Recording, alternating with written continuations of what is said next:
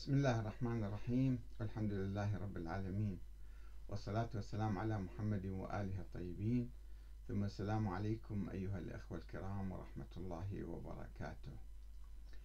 كيف أجاب مكتب السيد السيستاني على شبهات أحمد الكاتب؟ خلينا نشوف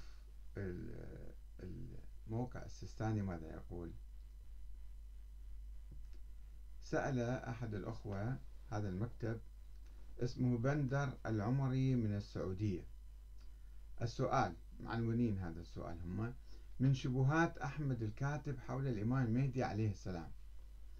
السلام عليكم ورحمة الله.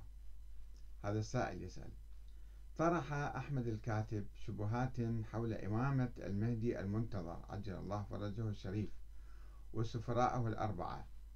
وادعى بأنه لم يستطع أحد الإجابة عنها. وأهمها هذا الأخ ملخص بعض النقاط وجاي يطلب الجواب عنها.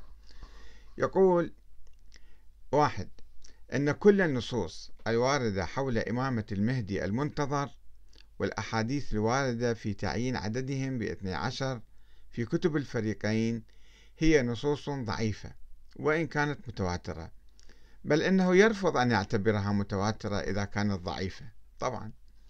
ويقول لا بد من كونها صحيحة حتى نعتبرها متواترة. فكيف نسلم في قضايانا الدينية ونقطع في أصول الدين اعتمادا على أحاديث يرويها الضعفاء والكذابون والغلاة كما يقول؟ اثنين يعني هو الآن ما ينقل نص كلامي وإنما ما فهمه من كلامي بالحقيقة.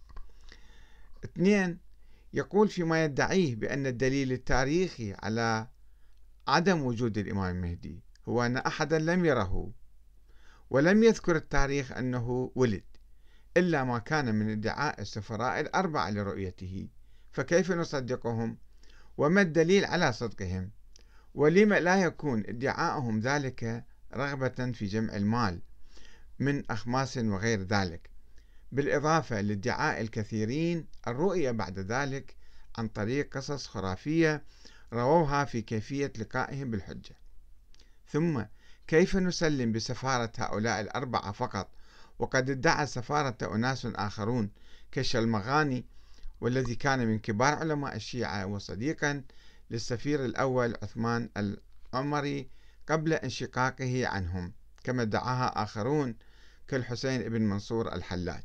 ثلاثة يقول يقول أحمد الكاتب يعني بأن أغلب أحاديث الكافي ضعيفة وأن أغلب الأدعية الموجودة بمفاتيح الجنان مأخوذة عن الغلاة والمدعين كالسفراء الأربعة الذين زعموا بأن الإمام قد ألقى إليهم بعض الأدعية والزيارات كدعاء السمات وزيارة الناحية المقدسة وغيرهم كالسيد بن طاووس الذي زعم هو الآخر اللقاء بالحجة ورؤية المعصومين في المنام وأن له حالات مكاشفة وأنه كان يغيب عن الوعي أحيانا.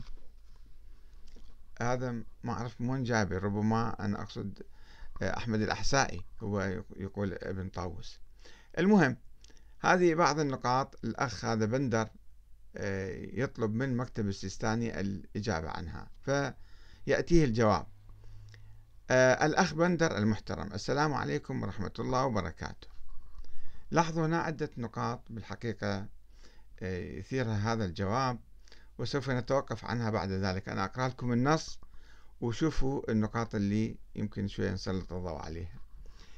إن الخلطة بين المذاهب وانتقاء العقائد على ضابطة المزاج والهوى هو شعبة من شعب الضلال التي يوقع يوقع الشيطان فيها أتباعه وإلا فالطريق إلى الحق الصراح ممهدة لكل عاقل ألقى السمع وهو شهيد.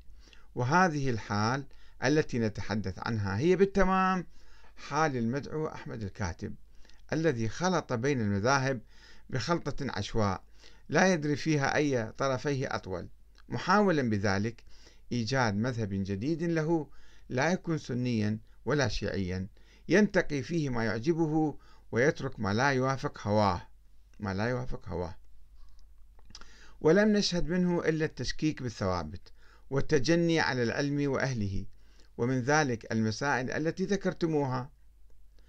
واحد فأما مسألة التشكيك في النصوص الدالة على وجود الإمام المهدي عجل الله فرجه فالكاتب لم يطالع للأسف العشرات من الروايات الصحيحة التي زخرت بها كتب الحديث عند الإمامية فضلا عن الكتب السنية حول الإمام المهدي عجل الله فرجه وولادته وما يتعلق بشؤون دولته وظهوره المبارك.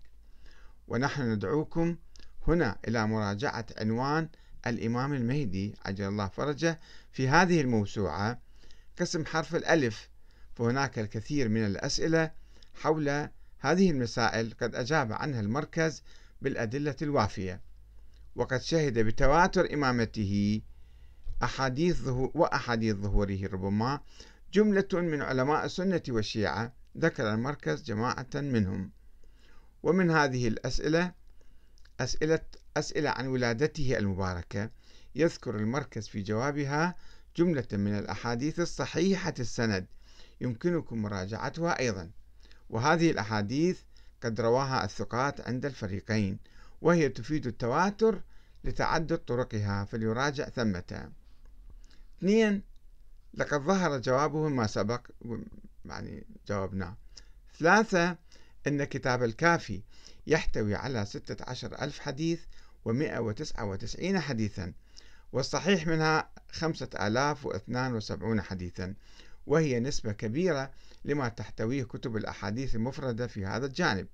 وأما الأحاديث الضعيفة فقد ذكر العلماء أنها تقرب من تسعة آلاف والأربعمائة والخمسة وثمانين حديثا. انظر لؤلؤة البحرين صفحة 394 وروضات الجنات الجزء السادس 116 وهذا المقدار من اتصاف مرويات الكافي بالضعف لا يعني سقوطها بكاملها عن الاعتبار. وعدم جواز الاعتماد عليها في أمور الدين.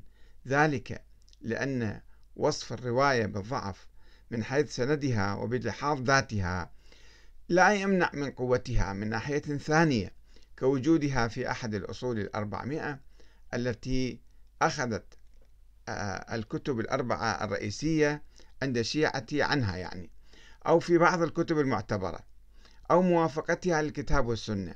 أو لكونها معمولا بها عند العلماء. وقد نص أكثر الفقهاء أن الرواية الضعيفة إذا اشتهر العمل بها والاعتماد عليها تصبح كغيرها من الروايات الصحيحة وربما تترجح عليها في مقام التعارض.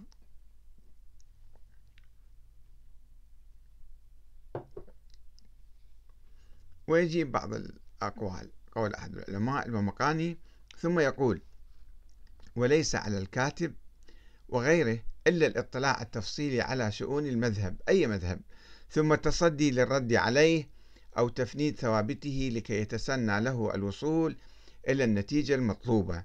وإلا تبقى محاولاته هذه تدور في دائرة الخضوع لسلطة الهوى. وقد قال المولى سبحانه أرأيت من اتخذ إلهه هواه؟ أفأنت تكون عليه وكيلا؟ ودمتم في رعاية الله. في الحقيقة هنا يعني كما لاحظت هذا هو الجواب. يعني آه، جواب يعتمد على التحليل النفسي وما في قلب الإنسان وعلى ادعاءات بالصحة والتواتر لكثير من الأحاديث الضعيفة. وأخيرا يعترف يقول حتى لو كانت أحاديث ضعيفة إحنا يمكن نأخذ بها لأنها اشتهرت بين العلماء السابقين. فأول نقطة يذكرها يقول أنه فلان يعني أحمد الكاتب يخلط بين المذاهب وينتقي ويحاول إيجاد مذهب جديد له لا يكون سنيا ولا شيعيا. ينتقي ما يعجبه ويترك ما لا يوافق هواه. ما يقول أنه مثلا نقطة تبين له هذه مو صحيحة وتركها وهو يدعو إلى آه، آه، أخذ الأحاديث الصحيحة من جميع المذاهب وترك الأحاديث الضعيفة من جميع المذاهب. ترك الخرافات والأساطير والفرضيات الوهمية والبدع من كل المذاهب. هذا ما أدعو إليه ولكنه هو يقول ويترك ما لا يوافق هواه. حكم علي أن إذا تركت شيء فهذا هواية دفعني إلى أن أتركه. ثم يقول لم نشهد منه إلا التشكيك بالثوابت. ما هي الثوابت؟ وكيف أصبحت ثابتة؟ ومتى أصبحت ثابتة؟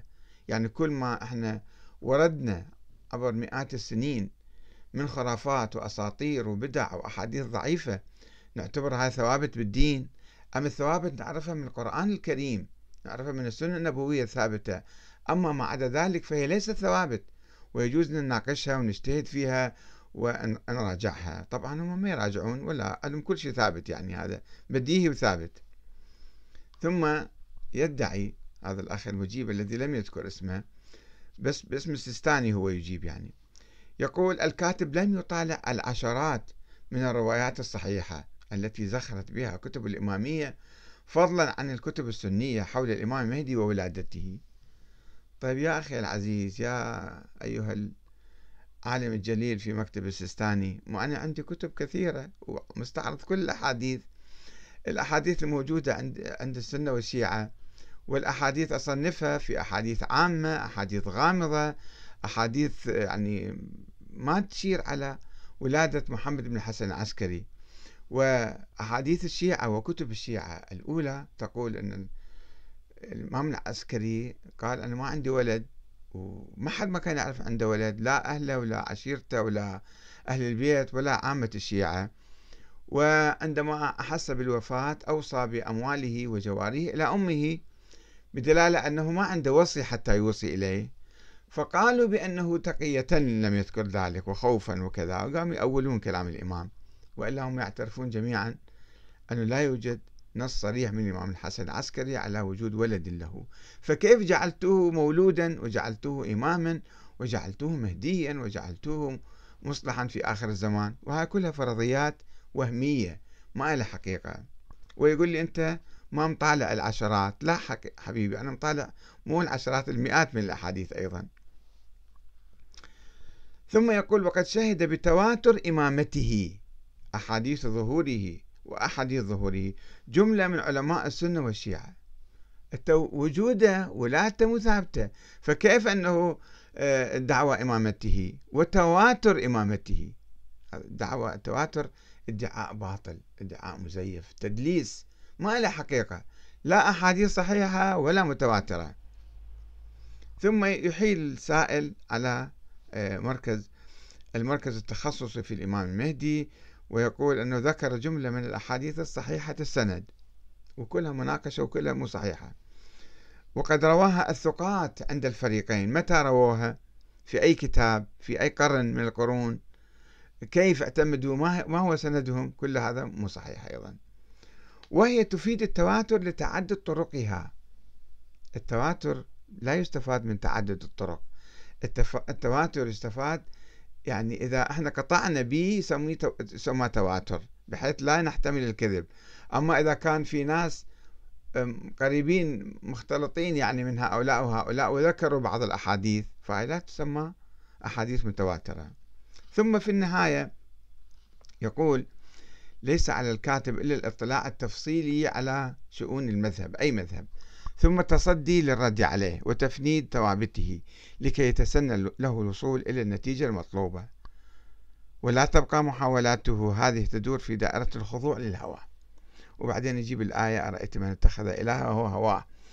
يعني كأنه هو مؤمن بعقيدته عن وحي نازل عليه مو عن هوى مو عن جهل مو عن تدليس مو عن كذب. والآخرين إذا ناقشوا بأدلته وأحاديثه يقول لا أنتم عندكم هوى. طيب إحنا قمنا بمراجعة دراسة نظرية الإمامة بالتفصيل من ألفها إلى يائها وقلنا بأن الإسلام لا يوجد فيه نظام سياسي. لا القرآن نص على ذلك ولا النبي محمد صلى الله عليه وسلم عليه. لم يتحدث عن الدستور ونظام الحكم ومن يحكم ومن لا يحكم ومنه يجي بعد النبي. وأن النظام السياسي الصحابة ارتأوا أن يقوم على الشورى واختاروا بعضهم بصورة, بصورة أو بأخرى. والآن الشيعة يعتمدون على الشورى يعتمدون على النظام الديمقراطي يعتمدون على الانتخابات. وبالتالي آه، هاي النظرية كلها نظرية الإمامة آه، اختلقت في القرن الثاني الهجري وهي اعتمدت على تأويلات تعسفية للقرآن وعلى أحاديث موضوعة وعلى تفسير لأحاديث عامة لا تدل آه، استدلوا بها على نظرية معينة وهذه النظرية وصلت إلى طريق المسدود وواجهت عقبات خلال القرن الثاني والقرن الثالث ووصلت إلى طريق المسدود بوفاة الإمام الحسن العسكري دون خلف وانقطعت الإمامة وانقرضت وبادت وانتهت. ولو إجوا بعض الناس افترضوا وجود ولد له وقالوا هذا هو الإمام الثاني عشر ثم استوردوا أحاديث من السنة حول الاثنى عشرية وألفوا وكونوا وصنعوا الفرقة الاثنى عشرية في القرن الرابع الهجري. نحن درسنا هذه النظرية في كتابي درستها في كتابي تطور الفكر السياسي الشيعي من الشورى إلى ولاية الفقيه والتشيع السياسي والتشيع الديني. وأخيرا في كتابي عن الشيخ المفيد مؤسس المذهب البويهي درست كل هذه النظرية من أولها إلى آخرها وبكل تفاصيلها وبكل تفريعاتها وبكل أحاديثها. فأنتم بالحوزة ما دارسين عقيدتكم ما دارسين نظرية الإمامة وتتهمون من درسها بأنه لا يعرفها ولم يدرسها من الأول والأخير ولم يطلع عليها اطلاعا تفصيليا. فهل أنتم مطلعون؟ تفضلوا أعطونا دراساتكم وأبحاثكم في هذه المجالات أو ردوا على كتبي العديدة التي كتبتها حول الموضوع. مع الأسف الشديد يدعون الصحة للأحاديث الكاذبة والموضوعة ويدعون الصحة للفرضيات الوهمية والنظريات الأسطورية والبدع والخرافات والأساطير. وجعلها هذه هي من الثوابت التي لا يجوز أحد أن يمسها أو يناقشها أو أو أو يرد عليها.